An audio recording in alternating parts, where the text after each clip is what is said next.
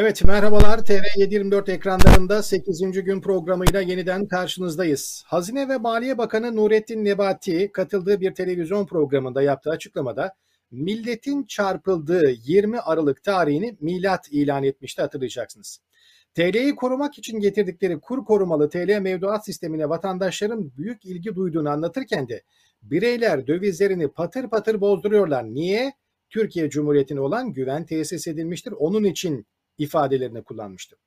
Peki gerçekten öyle oldu mu? Rakamlar ve yeni ürün üzerinde yapılan revizyonlar, kapsama alanının sürekli genişletilmesi Nebati'nin söylediklerinin pek doğruyu yansıtmadığını gösteriyor açıkçası. Son olarak döviz hesaplarının Türk lirası mevduata dönüşüm esaslarında bazı değişiklikler yapıldı.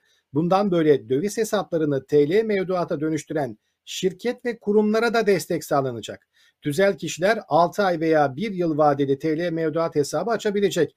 Daha önce biliyorsunuz sadece gerçek kişiler yeni üründen faydalanabiliyordu. Yani biraz daha e, alanı genişletmeye çalışıyor hükümet. AKP rejimi bu arada şirketleri döviz bozdurmaya ikna ve ikna etmek için vergi avantajı getirmeye hazırlanıyor. Hazine ve Maliye Bakanlığı Türk lirasına dönüşümün desteklenmesi kapsamına alınan kurumların kur ve altın değerlendirmesinde oluşan kazanç farklarına kurumlar vergisi istisnası getirecek. Evet rejim açısından işler pek de beklendiği gibi gitmiyor demiştik. Dolar 14 sınırını aşmasın diye 5 kez açıktan müdahale edildi. 7.2 milyar dolar yakıldı ancak bütün bu hamleler boşa gitti. 20 Aralık'ta vatandaşın bizzat devlet tarafından çarpıldığı o kur operasyonundan sonra 10.60'lara kadar gerileyen dolar bu hafta yine 14 sınırına dayandı. Bu arada arka kapıdan yapılan dolar satışının 9 milyar dolar civarında olduğu tahmin ediliyor. Avrupa'nın önde gelen bankalarından Unicredit Türkiye için 2022 ve 2023 beklentilerini açıkladı. Birazdan bunun ayrıntılarını konuşacağız. Banka, Orta ve Doğu Avrupa bölgesine ilişkin çeyreklik değerlendirme raporunda Türkiye ilişkin değerlendirmelere yer verdi. Unicredit Türkiye'de yıl sonu dolar kuru beklentisini 18 lira olarak açıkladı. Merkez Bankası'nın bu yıl 2 puan daha faiz indirmesini bekleyen bankaya göre 2023'te 11 puanlık faiz artışı olabilir. Banka Türkiye'deki enflasyonun da yılın büyük bir kısmında %50'nin üzerinde kalmaya devam edeceğini ama yıl sonunda gerileyerek %37'ye kadar düşeceği öngörüsünde bulunuyor. Seçimleri muhalefetin kazanması halinde daha ortodoks bir para politikası izleneceğini düşünüyoruz diyen banka bunun Türk lirasının değerini ve sermaye girişlerini artıracağını öngörüyor. Birazdan bu ortodoks para politikası nedir detaylarını konuşacağız. Merkez Bankası'nın 2022 yılında faizleri %12 seviyesine tutmasını bekleyen banka 2023 yıl sonunda Merkez Bankası politika faizinin de %23'ler seviyesinde olacağını düşünüyor. Bir de Dünya Bankası'nın yayınladığı son rapora bakalım. Ee, burada hatırlayacaksınız Türkiye ekonomisi için büyüme tahmini %3'ten %2'ye düşürülmüştü. Son olarak da Birleşmiş Milletler Dünya Ekonomik Durumu ve Beklentiler 2022 raporundan kısaca bahsedip hemen konumuza döneceğim. Rapora göre küresel ekonomik toparlanma bu yıl COVID-19 salgınında yeni dalga, kalıcı iş gücü piyasası zorlukları ve tedarik zincirinde yaşanan sıkıntılar artan enflasyon baskıları nedeniyle ters yönde bir rüzgarla karşı karşıya. 2021'deki %5.5'lik büyümenin ardından küresel ekonominin 2022'de %4, 2023'te ise %3.5 olması bekleniyor. İş gücü piyasasının toparlanmasına gecikmeler yaşanacağına dikkat çekilen bu raporda küresel yoksulluk seviyesinin artacağı ve istihdamın gelecek 2 yıl boyunca salgın öncesi seviyelerin oldukça altında kalacağı tahmin ediliyor. Yani pek iyimser rakamlar değil bunlar. İşte bütün bu gelişmelerin detaylarını şimdi Profesör Doktor Ercan Ekmekçioğlu ile konuşacağız. Hocam merhabalar tekrar bir haftanın ardından yeniden birlikteyiz. Merhabalar Mahmut Bey. İyi yayınlar diliyorum izleyicilerimize. Teşekkür ediyoruz. Gündemdeki tweetlere geçmeden önce isterseniz az önce biraz kısaca bahsettiğim Birleşmiş Milletler ve Güney Kredit raporlarını biraz yorumlayalım. Birleşmiş Milletler raporu küresel ekonomide daralma uyarısı yapıyor. Unicredit'in Türkiye için öngördüğü enflasyon ve faiz beklentilerini az önce aktardım. Her iki rapor hakkında düşünceleriniz nelerdir isterseniz bu yorumla başlayalım. Evet, e, dünya malum bu içinde bulunduğumuz pandemi sürecinin gerçeklerini algıladı. Buna bağlı olarak da pozisyonunu revize ediyor. İlgili regülasyonlarını zamanında muntazaman yerine getiriyor. Ee, tabii bu e, aynı şekilde Türkiye'de de makes buluyor mu diyebilir, bunu sorabilir miyiz? Maalesef cevabımız e, olumlu olmayacak. E, baktığımızda Amerika olsun, Avrupa olsun, e, Uzak Doğu'da Japonya, Çin dahil her birisinin e, gidişatın geneliyle ilgili okumaları e, birebir yaptığını ve kendi gerçeklikleriyle ele aldıklarını gösteriyor. Yani bu bunu net bir şekilde görebiliyoruz. Yani küresel e, izleme yapıyor, yerel davranış geliştiriyor. Tabii bu küresel gerçekliklerden de koparak gerçekleşmiyor. E, şimdi Türkiye özelinde baktığımızda maalesef aynı şeyi söyleyemiyoruz. Az önce de ifade ettiğimiz gibi e, gördüğümüz şey yüksek bir faiz, yüksek bir kur, yüksek bir enflasyon geldiğimiz nokta ve dolayısıyla ulaşılan bir başka gerçek daha var. O da yüksek risk. En önemli noktalardan bir tanesi de e, bütün bunların üzerine riski yönetememe yetkinliği de pardon riski yönetebilme yetkinliğinin de giderek artık azaldığı gerçeğinin karşımıza çıkıyor olması. Şimdi Türkiye'nin haline biraz şuna benzetiyorum. Ee, yanık tedavisi gören bir hastaya doktor sormuş. Demiş ki ya bu yanıkları anladım da vücudunuzdaki bunca kırık neden oldu onu anlayamadım. Ee, hastanın cevabı zor zor verdiği cevap şu. Diyor ki beni kürekle söndürdüler. Yani adeta durumu bu noktada özetleyebiliriz. O kadar çok fazla şey var ki, kırılganlıklar var ki, belirsizlikler var ki bütün üstüne bunların çözümünün ötesinde daha fazla e, bu sözünü ettiğimiz e, şeyler ilave oluyor, ekleniyor. Ve dolayısıyla sonuç itibariyle nereye geliyor? E, hep dile getirdiğimiz e, şey nokta sermayenin kontrolü. Evet, e, belki şu an itibariyle çok görünür değil ama işin ehli uzmanları bunu net bir şekilde sermayenin kontrolü olarak peyderpey o aşamaya ilerlendiği anlamında değerlendirdiği şeyini söyleyebiliriz, gerçeğini söyleyebiliriz, dile getirebiliriz. Evet.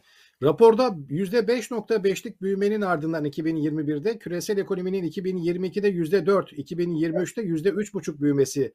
Yani bu büyümelerdeki azalmalar aslında bir nevi küçülme değil mi? Yani tersi olarak düşündüğümüz zaman. Yani dünya ekonomisi için belli bir şey var.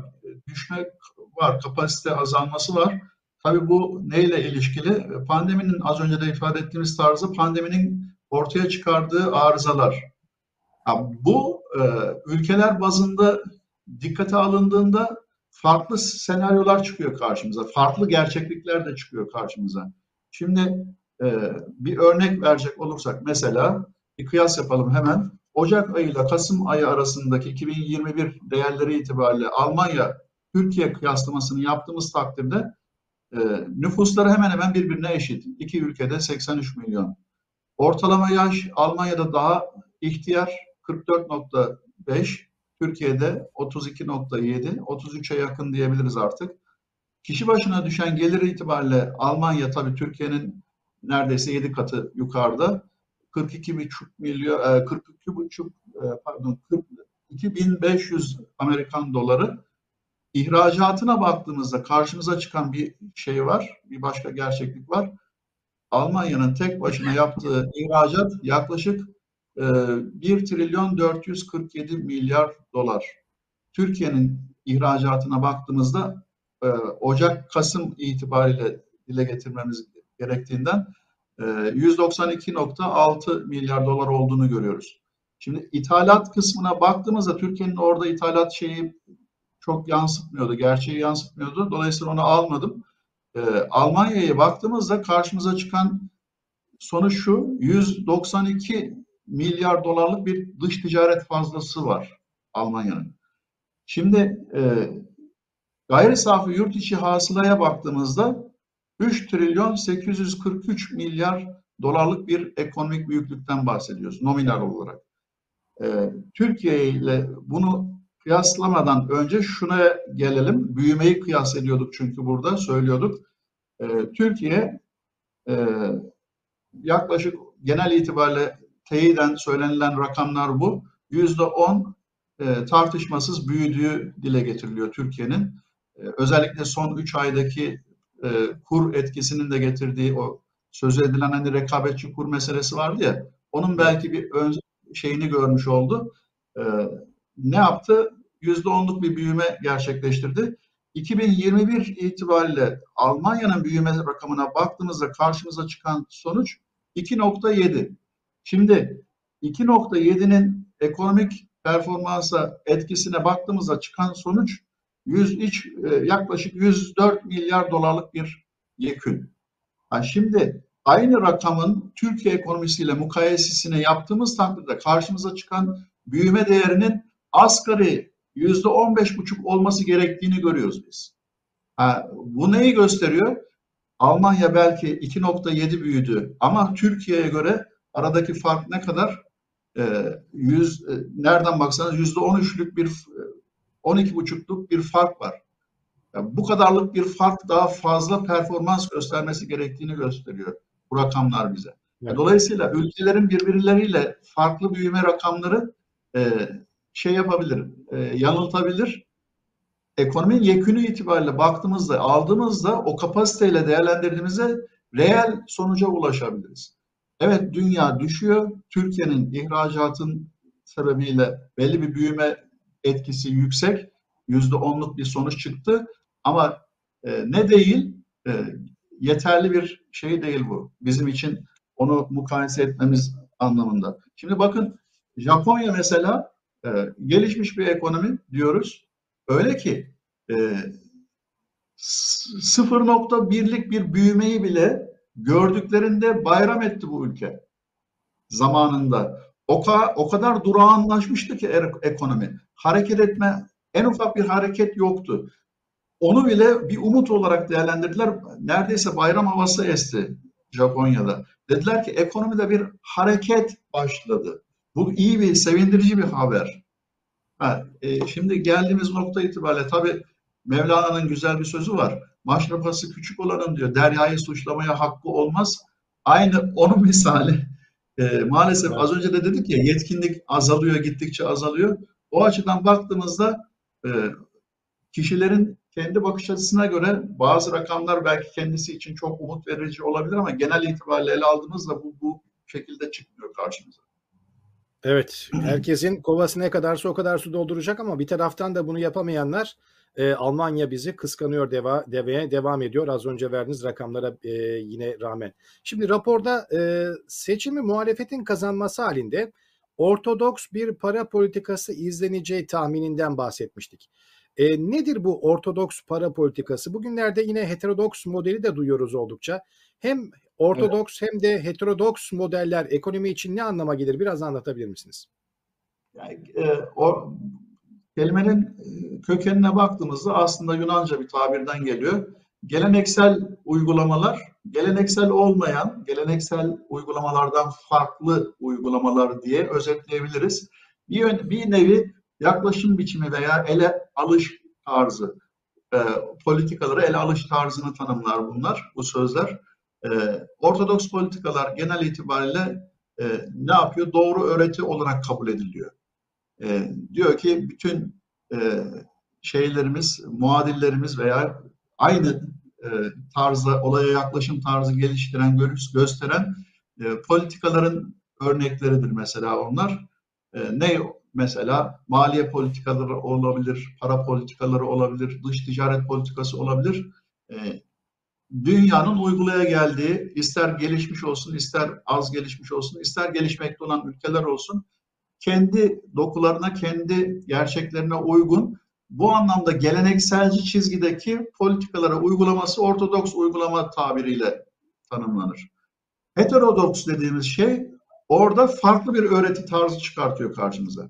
Bunların örneklerini nerede görüyoruz? Genel itibariyle Güney Amerika'da görüyoruz. İşte Küba'da görünüyor.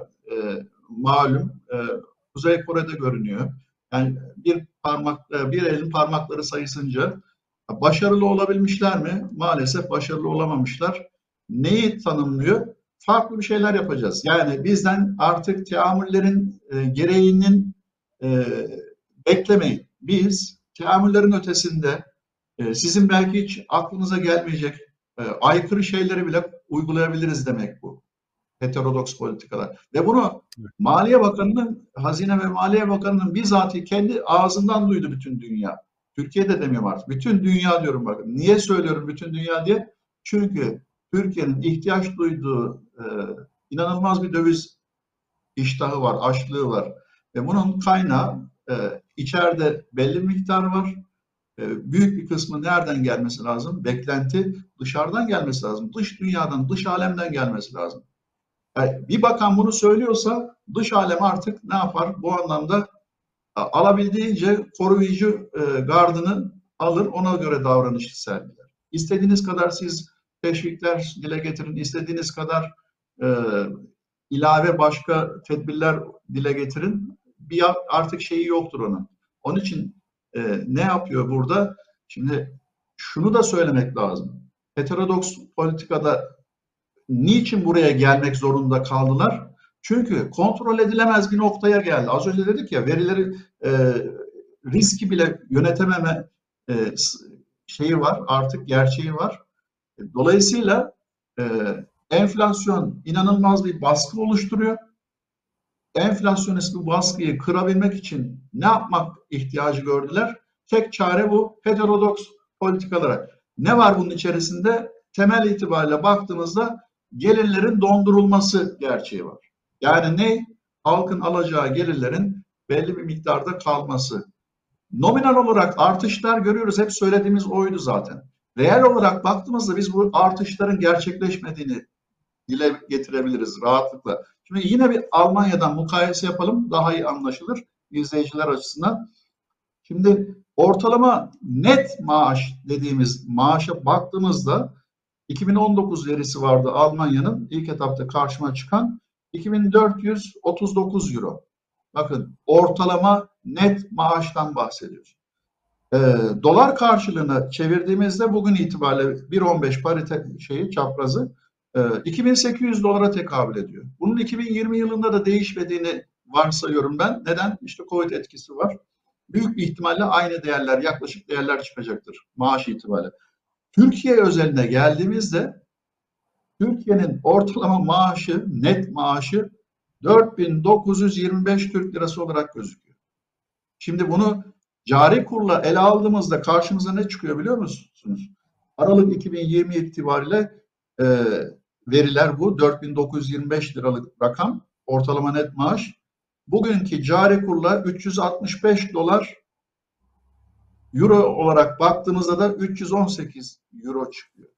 Ha, bu neyi gösteriyor bize? Artık e, heterodoks politikanın e, ne yaptığını hakikaten e, uygulamaya konduğunu anlatıyor, gösteriyor. Bunu bu şekilde şey yapabiliriz. Gerçek evet. anlamda ekonomik aktivite, canlılığın olabilmesi için şu rakamların e, çok çok daha yukarıda olması söz konusu olmalıydı. Ki insanların tasarruf gücü olsun, tüketime ayırdıkları pay, paranın ötesinde tasarruf imkanları olsun, o tasarruflarından da ilave harcamaları yapabilsinler. Harcanabilir gelir zaten bu ortalama net maaşın kendisi. Yani yok elinde bir şey kalmıyor vatandaşın. Evet, Maalesef hocam şöyle evet. evet.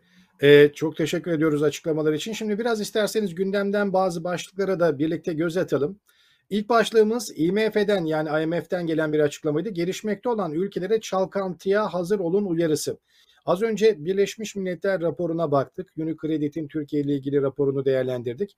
IMF'nin küresel çalkantıya hazır olma uyarısını nasıl okumalıyız? 2022 için ekonomide küresel etkiler konusunda beklentiler neler? Yani burada e, adeta bunu uçaklardaki anonslara benzetebilirsiniz. Yani nedir bu? E, kaptan pilot ne der, ne der? Anons yapar der ki türbülansa girmek üzereyiz. Evet. Bakın türbülansa girmek üzereyiz. E, kemerleriniz açıksa kemerlerinizi bağlayın. Ayaktaysanız veya işte ihtiyaçlarınızı gideriyorsanız bunları sonlandırın. Kemerlerinizi bağlayın. Çünkü sarsıntılı Bu bir yolculuk bekliyor. E, sarsıntılı bir yolculuk bekleyecek. Yani bu sarsıntılı yolculuk aynı hat üzerinde de devam edebilir. Uzun zaman devam edebilir. Ki ben Türkiye'den e, Güney Kore'ye seyahatimiz vardı. Himalayaların üst tarafında belki bir saate yakın türbülans yaşadık. Yani inanılmaz bir şey verdi insana, korku veriyor. Yani bir saat kesintisiz sallanıyorsunuz. E, devasa bir uçak olmasına rağmen o endişeyi hissediyorsunuz. Böyle bir türbülans uyarız. Ha, bazı türbülanslar da var ki bir zaman e, özel bir şey olmasına rağmen rahmetli Süleyman Demirel'in e, Brezilya gezisinde yaşadığı bir türbülans yaklaşık 300 metrelik bir düşüşten bahsediliyordu. Yani ciddi bir türbülans yaşadı. Başarılı bir kaptan pilot olduğundan dolayı şeyi bitir e, riski e, şey yaptı, giderebildi. Sıkıntıyı önleyebildi, bertaraf edebildi. E, ve bundan dolayı da e, Süleyman Demirel te- tebrik ve teşekkür etmişti şeye kaptana. Şimdi baktığımızda böylesine bir türbülans anında Türkiye'deki e, yönetim kısmı maalesef öyle bir e, profesyonelliği bize göstermiyor. E, heterodoks politikaların uygulanı, uygulanıyor olması da e, maalesef yine bu türbülansa çok ciddi sıkıntılarla girildiği şeyini getiriyor bize gösteriyor. Ve bu hep sözünü ettiğimiz e, o kusursuz fırtınanın Türkiye için e, çok ciddi şeyler getireceğini, bedeller getireceği gerçeğiyle bizi karşı karşıya bırakıyor.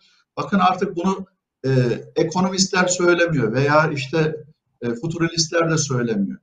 Daha böyle ilerisi diyelim hadi e, şey anlamında. Bunu artık bizzat e, dünya ekonomisinin kaptan köşkü anons ediyor. Ya yani bunu artık dikkate almamak diyecek bir şey yok. Bu zamana kadar Türkiye e, iç gerçeklerini yaşıyordu, sıkıntılarını yaşıyordu, hukuksuzluğunun sıkıntılarını yaşıyordu, kanun tanımamanın sıkıntılarını yaşıyordu, keyfiliğin sıkıntılarını yaşıyordu. Şimdi bunlara ilaveten bir de küresel bu sıkıntılar, riskler e, eklenmiş olacak. Yani buna ne kadar dayanır, nasıl tahammül gösterir? E, maalesef Almanların güzel bir sözü var. Der Fluss ohne Wiederkehr diyor. Yani dönüşü olmayan nehire girildi artık. Yani bunu hep söylüyorduk programlarımızda. Ee, bunun tedbiri alınabilirdi belki. Ee, o e, sıkıntı giderilebilirdi belki. Ama artık e, o geri dönüşü olmayan bir nehir üzerinde akıntıda akan bir gerçek gerçekliği yaşayan Türkiye var diyebiliriz. Evet. Bahsettiğiniz gibi işte e, Türkiye o türbülansa girecek bütün dünyadaki ülkeler gibi ama bazı ülkeler bundan daha çok etkilenecek diye zaten IMF'in uyarısı var. E, bir de üstüne üstlük dediğiniz gibi işte yani orada uçağın teknik bakımı, güçlülüğü kadar e, uçağı yöneten kaptanın e, belki profesyonelliği ve bu işi ne kadar kotardığı da önemli. E işte Türkiye'nin bu ellerde böyle bir altyapıyla bu sarsıntıları nasıl atlatacağını da hep birlikte görebileceğiz. Daha doğrusu atlatıp atlatamayacağını göreceğiz. İsterseniz hemen hızlıca gündemdeki birkaç başlığa bakalım. Bunlardan bir tanesi Şahan Gökbakar'ın tweetiydi. E, hatırlayacaksınız Şahan Gökbakar e, sosyal konularda, Türkiye ile ilgili meselelerde duyarlı bir sanatçı e, orman yangınları konusunda da oldukça aktif görev, görev almıştı. Sosyal medyada da etkindi. Faizlerin %14'e indiği falan yok bu arada. Bugün bankalardan 32 gün %19 ve 19.25 gibi fiyatlar almış bizim muhasebe. Kur korumalıdaysa %17 yani Merkez Bankası faizi indiriyor ama bir tek kendi indiriyor herhalde. Bankalar bildiğini okuyor gibi bu niye böyle sizce değerli ekonomistler diye soruyor. İşte bir vatandaşın gözüyle bir sanatçı e, duyarlılığıyla gündemden bir başlık. Evet, ekonomiyle alakalı bir tweet vardı. Şöyle deniyordu. Bu yıl Fed'in birçok kez faiz artırımı yapması bekleniyor. Dünyada artan enerji fiyatları, enflasyon, faiz artırımları ülkeyi her alanda yıkıma sürüklemesi, her alanda artan maliyetler, pahalılık, tükenen ülke mali kaynakları, artan borçlanma ve politika faizi dışındaki bütün faizlerin artması bir bütün halinde birçok sektörü gerçek anlamda durma noktasına getirip işsizlik ve yoksulluğu daha da tavan yaptıracaktır. Zaten sadece temel ihtiyaçları zor karşılar hale geldik lakin bu yıl bu konuda bir çığır açılması, fakirleştirmenin aşırı artması ve sessiz sedasız pek çok şeyin batması ve sosyal psikolojik patlama riskinin de aşırı artması gibi vakalar iyice artacaktır diyor E, burada isterseniz diğerlerine geçmeden önce kısaca bir yorumunuzu almak isterim. E, katılıyor musunuz Faiz, Fed'in faiz artırımıyla birlikte e, bu çalkantılı dönemde Türkiye'de bu tür riskler de e, var mı? Zaten az önce söylemiştik yani mutlaka karşı bu e, makes bulacaktır, gelecektir. E, bunun aksini söylemek, düşünmek e, gerçekle bağ koparmak demektir. E, şimdiye kadar dediğim gibi yani Türkiye'nin kendi e, yetersizliklerinin, verimsizliğinin neticeleriyle biz bu kur şeyini gördük, dalgalanmasını gördük. Bundan sonra asıl paranın sahibi yani doları basan Amerika Birleşik Devletleri ha, ne yapıyordu? Emisyonunu şişirdi. Ciddi anlamda e, bu piyasadaki harcanabilir e, tutarı, miktarı arttırdı. Neticesi itibariyle ne gördük? İşte enflasyonist baskıyı gördük. Artık baskı diyorum baskıya ulaşmak üzere. Bunun için de ne yapmak zorunda? Tedbiren e, tedavüldeki parayı kısması gerekiyor, toplaması gerekiyor. Kendi bizzat sürdüğü, sunduğu e, varlıkları ne yapmaya çek başladı? Zaten peyderpey çekmeye başlamıştı. E, emisyondaki şişmenin getirdiği yine o enflasyonist baskıyı da etkiyi de ne yapmaya çalışıyor şu an? Faizleri peyderpey arttırarak. Yani şöyle diyelim, e, Türkiye'deki gibi veya Türkiye benzeri ülkelerdeki gibi e, 100 bas puanlık, 300-500 bas puanlık bir şeylerden bahsetmiyor. Öyle bir şey durum yok Türk Amerika için. Ne yapıyor? Belki peyderpey bir artış 0.25'lik e, 25 bas puanlık veya işte 0.15'lik 10'luk e, o kadarlık bir e, artışlar söz konusu olacak. Çok ihtiyaç duyulduğu takdirde belki 50 bas puanlık bir artış söz konusu olacak. E, bütün bunların her birisi işte bu sözün ettiğimiz o türbülansa e, veya o daralmanın getirdiği e, etkilerin minimize edilmesi veya giderilmesiyle alakalı tedbirler. Amerika'nın gerçeği bu. Yani e, siz bunu öngörerek ne yapmanız lazımdı? Hazır olmanız lazım. E, zaten e, izleyicilerimiz hatırlayacaktır. Bir zaman söylemiştim. E, şimdi kışın gelişi aslında dağların zirvesine gelen kardan belli olur. E, adeta o hava, o görünen dağlardaki kar zenginlere haber verir. Hazır olun, so şöminenizde yakacağınız odunları tedarik edin, hazır edin. Fakirler için de o mesaj nedir? Ee, sizinle vicahen görüşeceğim. Zaten sizinle bizzat sarmalaşacağız yani. Kucaklaşacağız. Ee, o, o noktada şu an Türkiye maalesef. Ve evet. böyle bir zamanda bakın en büyük e, risklerden bir tanesi de şu. E, maalesef e, işte döviz endeksli kur meselesinde e, önce gerçek kişiler vardı. Bunu da dile getirmiştik. Şu an tüzel kişiler de dahil edildi. Tüzel kişilerin bir mecburiyeti var. Diyor ki siz burada e, gerçek kişiler gibi e, aylık falan değil, 6 aylık, 1 yıllık vadelerle e, ne yapmanız lazım? Sorununuzu yerine getirmeniz lazım. Bunu yapmadığınız takdirde e, müeyyideleri olacak, bir bedele olacak. Şimdi bakın bütün bu kötü politikaların piyasadan kaçırma etkisi var. Güvensizliği daha da zirveye götürme riski var. Ve bu ister istemez ne yapacak? E, firmaların e, zorlu ayakta kalma süreçlerini de e, çok çok daha e, sıkıntılı noktaya taşıyacak. Evet. Hocam birkaç tweet daha var. Onlara bakalım. Sonra birkaç başlığımız var. Ee, bir zam haberi. Bu sabah itibariyle birçok ürüne %50 üstünde zam geldi. Halaya devam şeklinde e, Mustafa Selanik tarafından atılmış bir tweet vardı. Pilavlık ithal pirinç 31'den 39'lara. Yine şeker, toz şeker 39'lardan 53'lere. E, çikolatalı sos 7'lerden 14'lere. Konserve balık da ton balığı da 24'ten 36'lara çıkmış. Gerçekten çok aşırı miktarlarda zam. Yani e, tam fiyatların tam tersi düşmesi beklenirken bir taraftan da zam yağmurunun e, devam ettiğini görüyoruz. Şimdi kıştan bahsettik ama dediniz ya işte kış fakiri tam böyle kucaklayacak. İnsanlar şu anda e, kombinin düğmesine yaklaşmaya korkuyor. Çünkü gelen zamlardan sonra Ama hatırlayacaktır seyircilerimiz de açın kombileri yaz ayı olsa da sonuna kadar yakın artık gaz patronuyuz. Arkadaşlar diyordu bir e, vatandaş hatırlayacaktır e, seyircilerimiz de bu vatandaşı. Ama bu video çekildikten sonra doğalgaza tam 16 kez zam gelmiş. Oranı da zam oranı %263. Bu vatandaşı dinleyip de açın kombileri yaz ayı da olsa sonuna kadar açın diyen varsa zaten herhalde şu anda bu arkadaşla ilgili değişik şeyler söylüyordur. Ya da kendisi ne yapıyor acaba bilmiyoruz.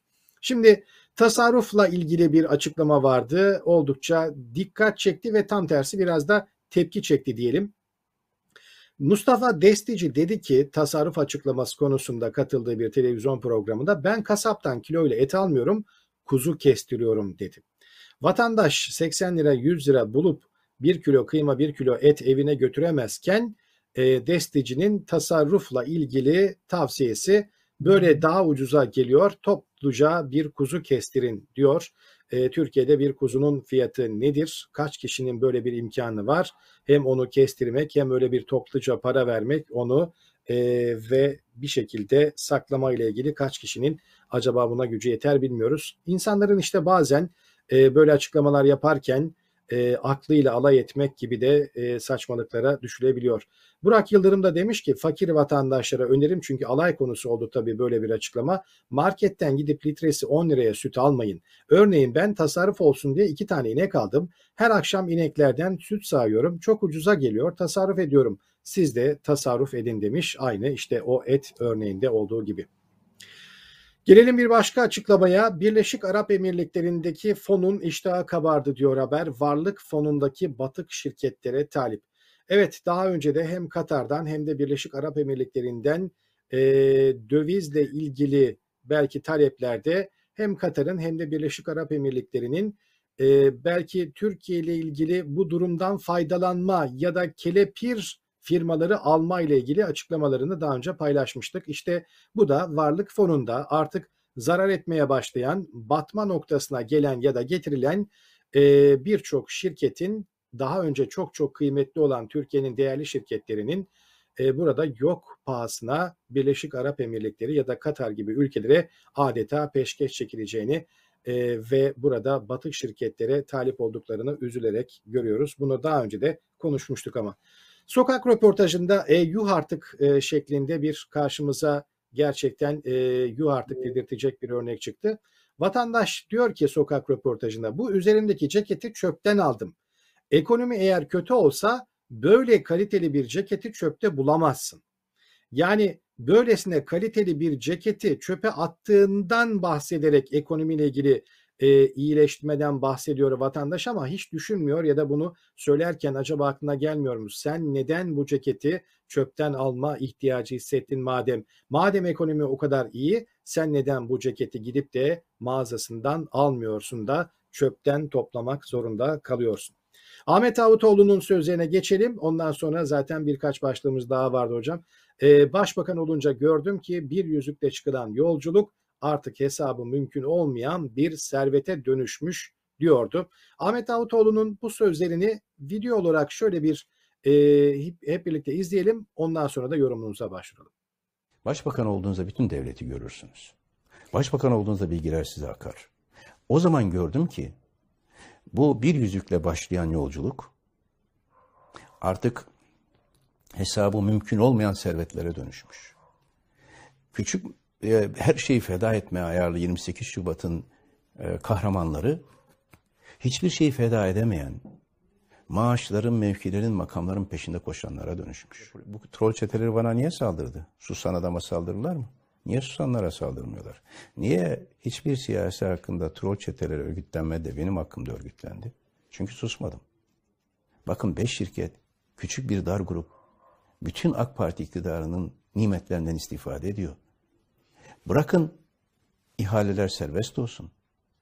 Bırakın rekabetçi olsun. Bırakın herkes ehliyet ve liyakatına göre göre şey yapsın. Kimse hediye almasın dedim. Hediye alan Beytül hani, hazineye bıraksın dedim. Kanun da böyle söylüyor. Bizim inandığımız da böyle söylüyor. Mukabele Peki cevap ne oldu Sayın Cumhurbaşkanı? 700'e siz hiç hediye almadınız mı Ahmet Bey dedi. Şimdi cevap bu. O zaman görüyorsunuz içinden sarsılarak görüyorsunuz.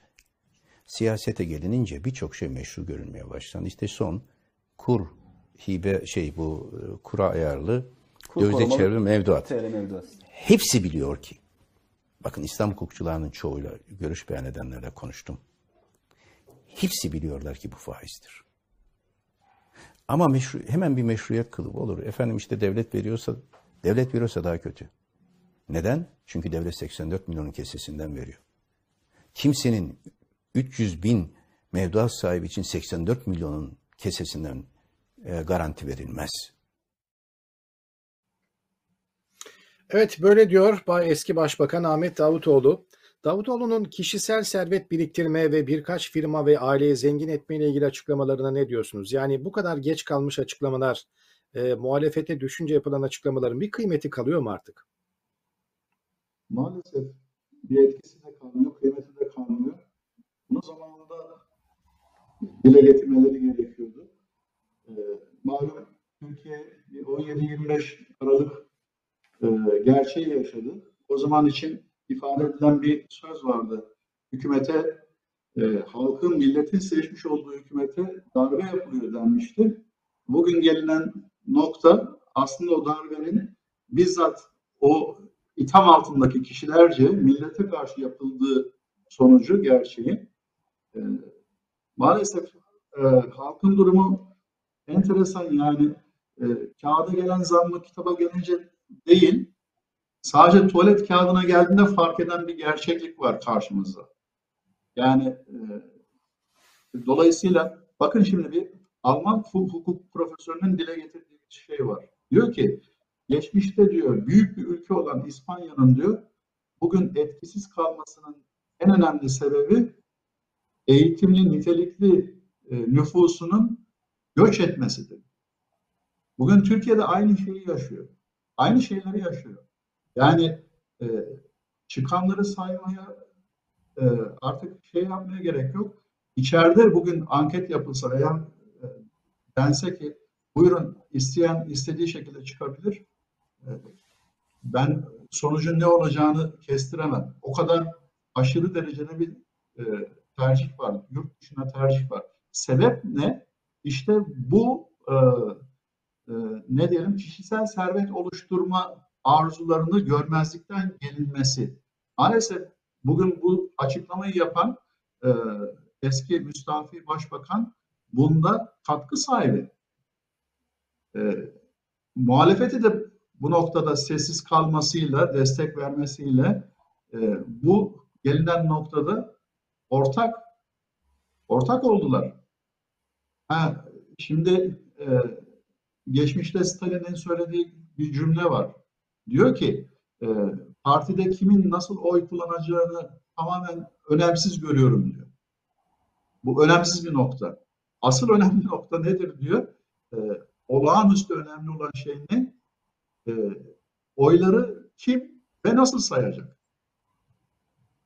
Şimdi aynı şeyi yılın başında e, seçimleri kazanan Biden da dile getirmişti. Benzer şeyi söylemişti. Tarihten o şeyi alarak e, dile getirdiği şey şu. Artık mücadele kimin oy alacağıyla ilgili değil, kimin oyları sayacağıyla ilgili. Ve e, bugün Türkiye'nin geldiği noktada maalesef bu. Geçtiğimiz programda kamuoyunun e, 1300'e yakın kişinin e, tercihleriyle çıkan şeyi o maaşları vicdanı demiştik işte en çok güven duyulan kurum. E, evet. Bu artık kapanan noktanın nasıl yeniden açılacağı beklentisinin nereye gittiği aşikar görünüyor artık. Yani e, bu ne yapılamaz, göz ardı edilemez.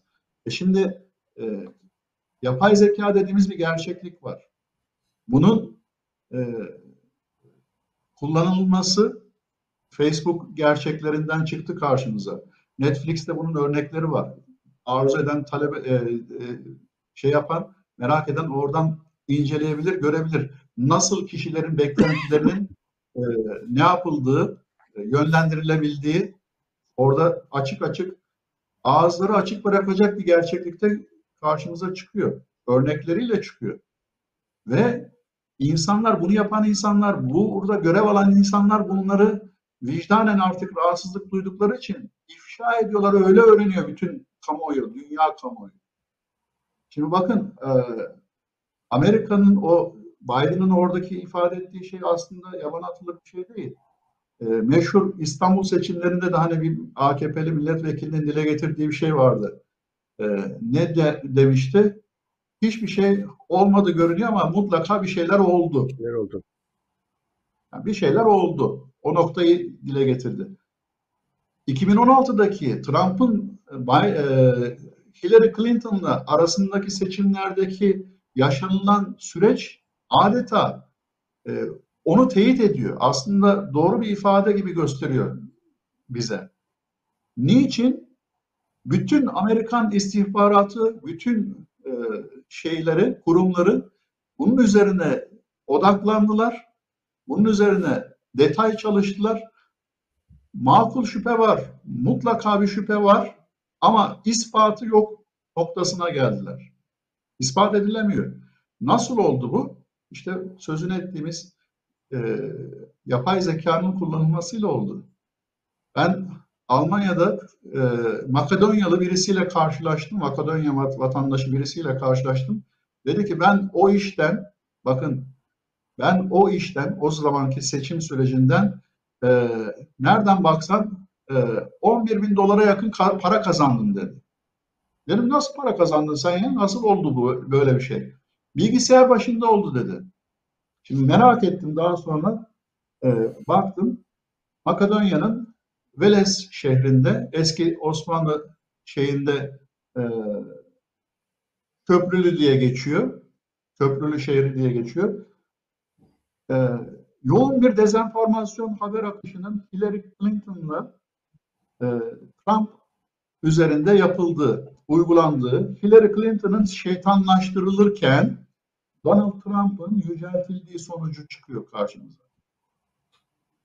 Ve en önemli nokta bu haberlere maruz kalan bireylerin onlara inanma eğiliminde olduklarına dair kanıtlar sağlandı. Elde edildi bu bulgular. Sonuç sahte haberler olmasaydı Trump'ın başkan seçilemeyeceği neredeyse bir gerçek haline geldi. Şimdi bugünkü Türkiye'nin şeyi atmosferi bu. Onun için e, maalesef o sözünü ettiğimiz türbülans eğer küre, e, mutlaka küresel bir gerçeklik evet yaşayacağı, hepimizin yaşayacağı, bulundukları, bulunduğumuz dünyanın neresinde olursak olalım e, bir gerçeklik, realite ama Türkiye özelinde bu çok çok daha fazla riskler barındırıyor. Ve bu çok fazla sayıdaki değişkenler e, sürprizleri daha daha büyük hale getiriyor. Ve sakin olmayan bir atmosfer e, söz konusu diyebiliriz. Evet. Bu Hocam, zenginlikler e, maalesef evet. zenginlikler maalesef bütün programlarımızda artık belki izleyicilerimiz kanıksamıştır. Kötü para iyi parayı piyasadan kovar. Bugün Türkiye'nin evet. geldiği nokta bu dünyanın nerede ne kadar gayri meşru, nerede ne kadar kayıt dışı parası varsa, mafyatik parası, geliri varsa, şahısları, kişileri varsa, kurumları varsa Türkiye'ye geliyor. Ve bu işte bu sonuçları getiriyor. Bunun temizlenmesi kolay olmayacak. Evet. Ahmet Davutoğlu'nun sözlerinde şu vardı. Yani başbakan olunca bilgiler size akar diyor. Yani bir yüzükle çıkılan yolculuğun gördüm ki artık hesabı mümkün olmayan yani e, ucu bucağı olmayan bir servete dönüştüğünü gördüm diyor. Şimdi ya ben başbakanken bunlardan hiç haberim yoktu. Siyaseti bıraktıktan sonra duydum gibi bir şey söylemiyor aslında. Benzer açıklamaları e, Babacan'dan da duyuyoruz. Ali Babacan'ın da Davutoğlu'nun da bunları belki söylemesi bir nebze belki mutlaka faydası var ama yani zamanında siz de oradaydınız. Evet. Doğruluğunu teyit etmiş oluyor. Yani hep bir zamanlar asparagas deniyordu, iftira deniyordu. Bu artık net bir şekilde ortaya çıktı ki, hakikat tebeyyün etti ki e, ne? Bu söylenilenlerin hiçbirisi yabana atılmayacak gerçeklikler. Ve bugünün gelinen noktası işte o gerçeklikleri görmemezlikten gelmenin neticesi. Sorgulamamanın neticesi. Şüphe duymamanın neticesi. En az e, iftira atılan kişilere duyulan e, onların e, hain oldukları gerçeğini kabul etmenin şeyi kadar, inancı kadar o insanların söylemlerine de eşit olmaları gerekiyordu. Gerçek tarafsızlık buydu, bağımsız yargı buydu. O zaman işte ne yapılırdı? Bu noktaya gelinmezdi. Evet. Maalesef Ama... bu bir tercih. İktisatta, evet. iktisatta, ekonomi biliminde tercihler çok önemli rol oynar. Maalesef vatandaşın tercihi bu istikamette oldu. Neticesi rüzgar eken fırtına biçiyor. Mahmut Bey. Evet. Ama ama bir taraftan da şunu da görüyoruz üzülerek. Yani başbakan olarak bu bilgiler bana aktı dedi. Yani devletin bundan haberi vardı. E, tabii ki devletin savcısı, devletin polisine de geldi bu bilgiler. Onlar da üzerlerine düşeni yaptı. Bu soruşturmanın üzerine büyük bir cesaretle gitti. Ama şu anda başlarına geleni görüyoruz. Bütün suç onların üzerine yıkıldı. Sanki bir darbe yapılmış gibi ve onlar birçok başarılı polis ve bu konuyla ilgili e, belki soruşturmaları yapan hakimler ve savcılar da şu anda cezaevlerinde 7 yıldan fazla zamandır bulunmaya devam ediyor ama bu siyasiler adlarını bile anmıyorlar bu e, maalesef ne polislerin ne de bu hakim ve savcıların. Yani bir taraftan e, bu yapılanı ağızlarıyla itiraf ediyorlar. Tamam bu gerçekten yapıldı deniyor ama e, bununla ilgili e, işlemi yapan e, büyük bir risk alan e, bu polisleri ve hakimleri, savcıları kimse hatırlamıyor. Evet maalesef Mahmut Bey. E, o e, Davutoğlu'nun ifade ettiği şeyleri e, Ankara'da ben de işitiyordum. Ben de duyuyordum. Yani konuşulan şeyler bunlar. Ama e, nedense o kamu otoritesi, o oradaki etkin kamu otoritesi belli bir amaca odaklanmış. Ben onun için hiçbir zaman e, mevcut e, Erdoğan'ın ve ekibinin e, gerçek güç sahibi olduğuna itibar etmedim. Onun için de hep kağıttan bir kaplan dedim. Çünkü o duyulan şeyler e, onlara sadece bir vakit verildiği, e, tayin edildiği, belli bir amaç için hizmet anlamında kullanılan araçlar olduğu şeyi çıkartıyordu, sonucunu çıkartıyor. Ha, e, ne olacak peki? E, bu gelinen noktada e, ya gönül rızasıyla bazı şeyler hallolacak ya gönül rızasıyla hallolmayacak bu işler söz konusuysa e, bir kırılma yaşanacak. Yani bu bu kadar basit. İki el birbiriyle şey yaptığında e, ne yapıyor? Şaklama çıkıyor. Bir ses çıkıyor ortaya. E, dolayısıyla e, işte onun için diyorum geri dönülmez bir nehir akıntısına kapıldı artık. Gidiyor. Maalesef bu netice önümüzde. Evet. Hocam son bir başlığımız kalmıştı. Kısaca isterseniz bundan da biraz bahsedip kapatalım. TÜSİAD'ın Dijital Türkiye konferansı vardı. Online gerçekleşti. Oyunun kuralları değil, kendisi değişti sloganıyla dikkat çekiyordu konferans. Bu konferansta en çok dikkat çektilen e, belki veya dikkatimizi çeken nokta ne olmalı? Sizin konferansla ilgili yorumunuzla bitirelim.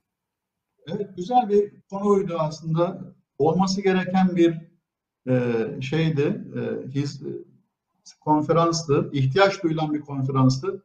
TÜSİAD'ın bu tarz reel gerçeklerle, e, gerçekliklerle meşgul olması aslında Türkiye'nin ihtiyaç duyduğu bir şey netice. Bugün itibariyle baktığımızda dünya ortalaması cihetiyle mobil hız internette 29 e, megabit saniye erişim şeyi megabit per second diye geçiyor. Sabit geniş banda baktığımızda bunun ortalaması ise 58 hızı. Şimdi Türkiye özeline geldiğimizde mobilde bunun e, ortalamaya hemen hemen aynı olduğu çıkıyor, sonucu çıkıyor. Ama sabit geniş band kısmında ele aldığımızda Türkiye'nin e, internet hızı, hızı e, dü, dünya ortalamasının, bugünkü dünya ortalamasının 2021 e, dünya ortalamasının neredeyse yarısında kaldığı sonucunu çıkartıyor. E, dolayısıyla bu bir fırsat mı? Geleceğin e, göz ardı edilemez bir sonucu mu? Evet, dijitalleşme budur. Bakın Avrupa buna hazırlanıyor. Avrupa bunun için ne gerekiyorsa altyapısından tutun, hukuki e, prosedürüne kadar her şeyle hazırlanıyor. E şimdi e, bu şeylere baktığımızda, sonuca baktığımızda maalesef bunda Türkiye'nin geri kaldığı e, gerçeğini görüyoruz. E, birinci sırada kim var? Daha iyi anlarız o zaman. E, mobilde Birleşik Arap Emirlikleri 136 megabit per second'la dünyada birinci. Tabii ülkenin büyüklükleri de nüfusu da önem arz ediyor burada. Ee, geniş band kısmına baktığımızda, sabit geniş band kısmına baktığımızda birinci ülkenin küçücük bir ada devleti, belki şehir devleti olan Singapur olduğunu görüyoruz. 185 megabit per second ile dünyanın açık ara belki ortalamasının da 3 katı bir performansla e, muhatabı. Şimdi iktisatta yine bir şey var. E, ne diyoruz biz buna? Geç kalmanın avantajı. Bazen bazı şeylerde geç kalmak e, size maliyet etkinliği kazandırır. Yani ne yaparsınız siz? Onu başlangıçta yaptığınızda 100 birime yapıyorsanız daha sonra artık yayılmaya başladığında yaptığınız takdirde bu yarı yarıya düşer. Dolayısıyla maliyette bir avantaj sağlamış olursunuz. Bu yönüyle baktığımızda e, Türkiye'nin eğer bugün itibariyle şu e, deli saçması konularla meşgul olmayı bırakıp e, bu tarzdaki verimlilik esaslı. Yani şimdi İngiltere dünyanın en fazla üretim yapan ülkesi değil. Bakın en fazla üretim yapan ülkesi değil İngiltere. İngiltere'nin ekonomik performansının nereden baksanız yarısından fazlası hizmet sektöründen geliyor. Bu tarz hizmetlerle finans sektöründeki faaliyetlere buradaki elde ettiği katma değerlerle ulaşıyor o varlığına, zenginliğine. Aynı şey Hindistan için geçerli. Bakın yazılım sektöründe 100 milyar dolardan fazla yekünü var şu an. Yani, ve sözünü ettiğimiz o insan kaynağı dışarıya kaçan, ayrılan, e, terk eden, onları göz ardı ettiğimiz takdirde dahi Türkiye potansiyelinde baktığımızda Türk insanı için hep söylediğim bir şey var. Dünyanın en kıymetli belki üretim faktörlerinin en birincisi benim nazarımda açımdan baktığımızda girişimci ruhu. Buna yeterince e, destek ve imkan sağlandığı takdirde ne olabileceği bu tarzda bir dijital dünyanın, dijital fırsatların Türkiye için inanılmaz e, fırsatlar getireceği sonucunu dile getirebiliriz. Ben evet. Almanya'da bunun etkisini görüyorum. Bakın Almanya'da etkisini görüyorum. Ee, buraya Almanya'ya Türkiye'den gelmiş olan insanların tercihleri artık IT sektöründe çünkü ciddi talep var burada nitelikli iş gücü anlamında. Ee, insanlar e, kısa sürelerle maksimum bir yıllık sürelerle ciddi eğitimlerle yalnız ciddi eğitimlerle e, bu ihtiyaçları karşıladığı ve iyi de gelir elde ettikleri sonucunu görüyorum. Benzer şey e, eğer ciddi TÜSİAD gibi önemli bir kurum tarafından alındığı gibi devletin diğer kamu kurumlarında da alınır çalıştırılırsa önemli fırsatlar getireceğini düşünüyorum. Evet. Hocam çok teşekkürler. Bu cümleyle isterseniz bağlayalım. Ee, programı burada noktalayalım. Haftaya yeniden birlikte olabilmek dileğiyle.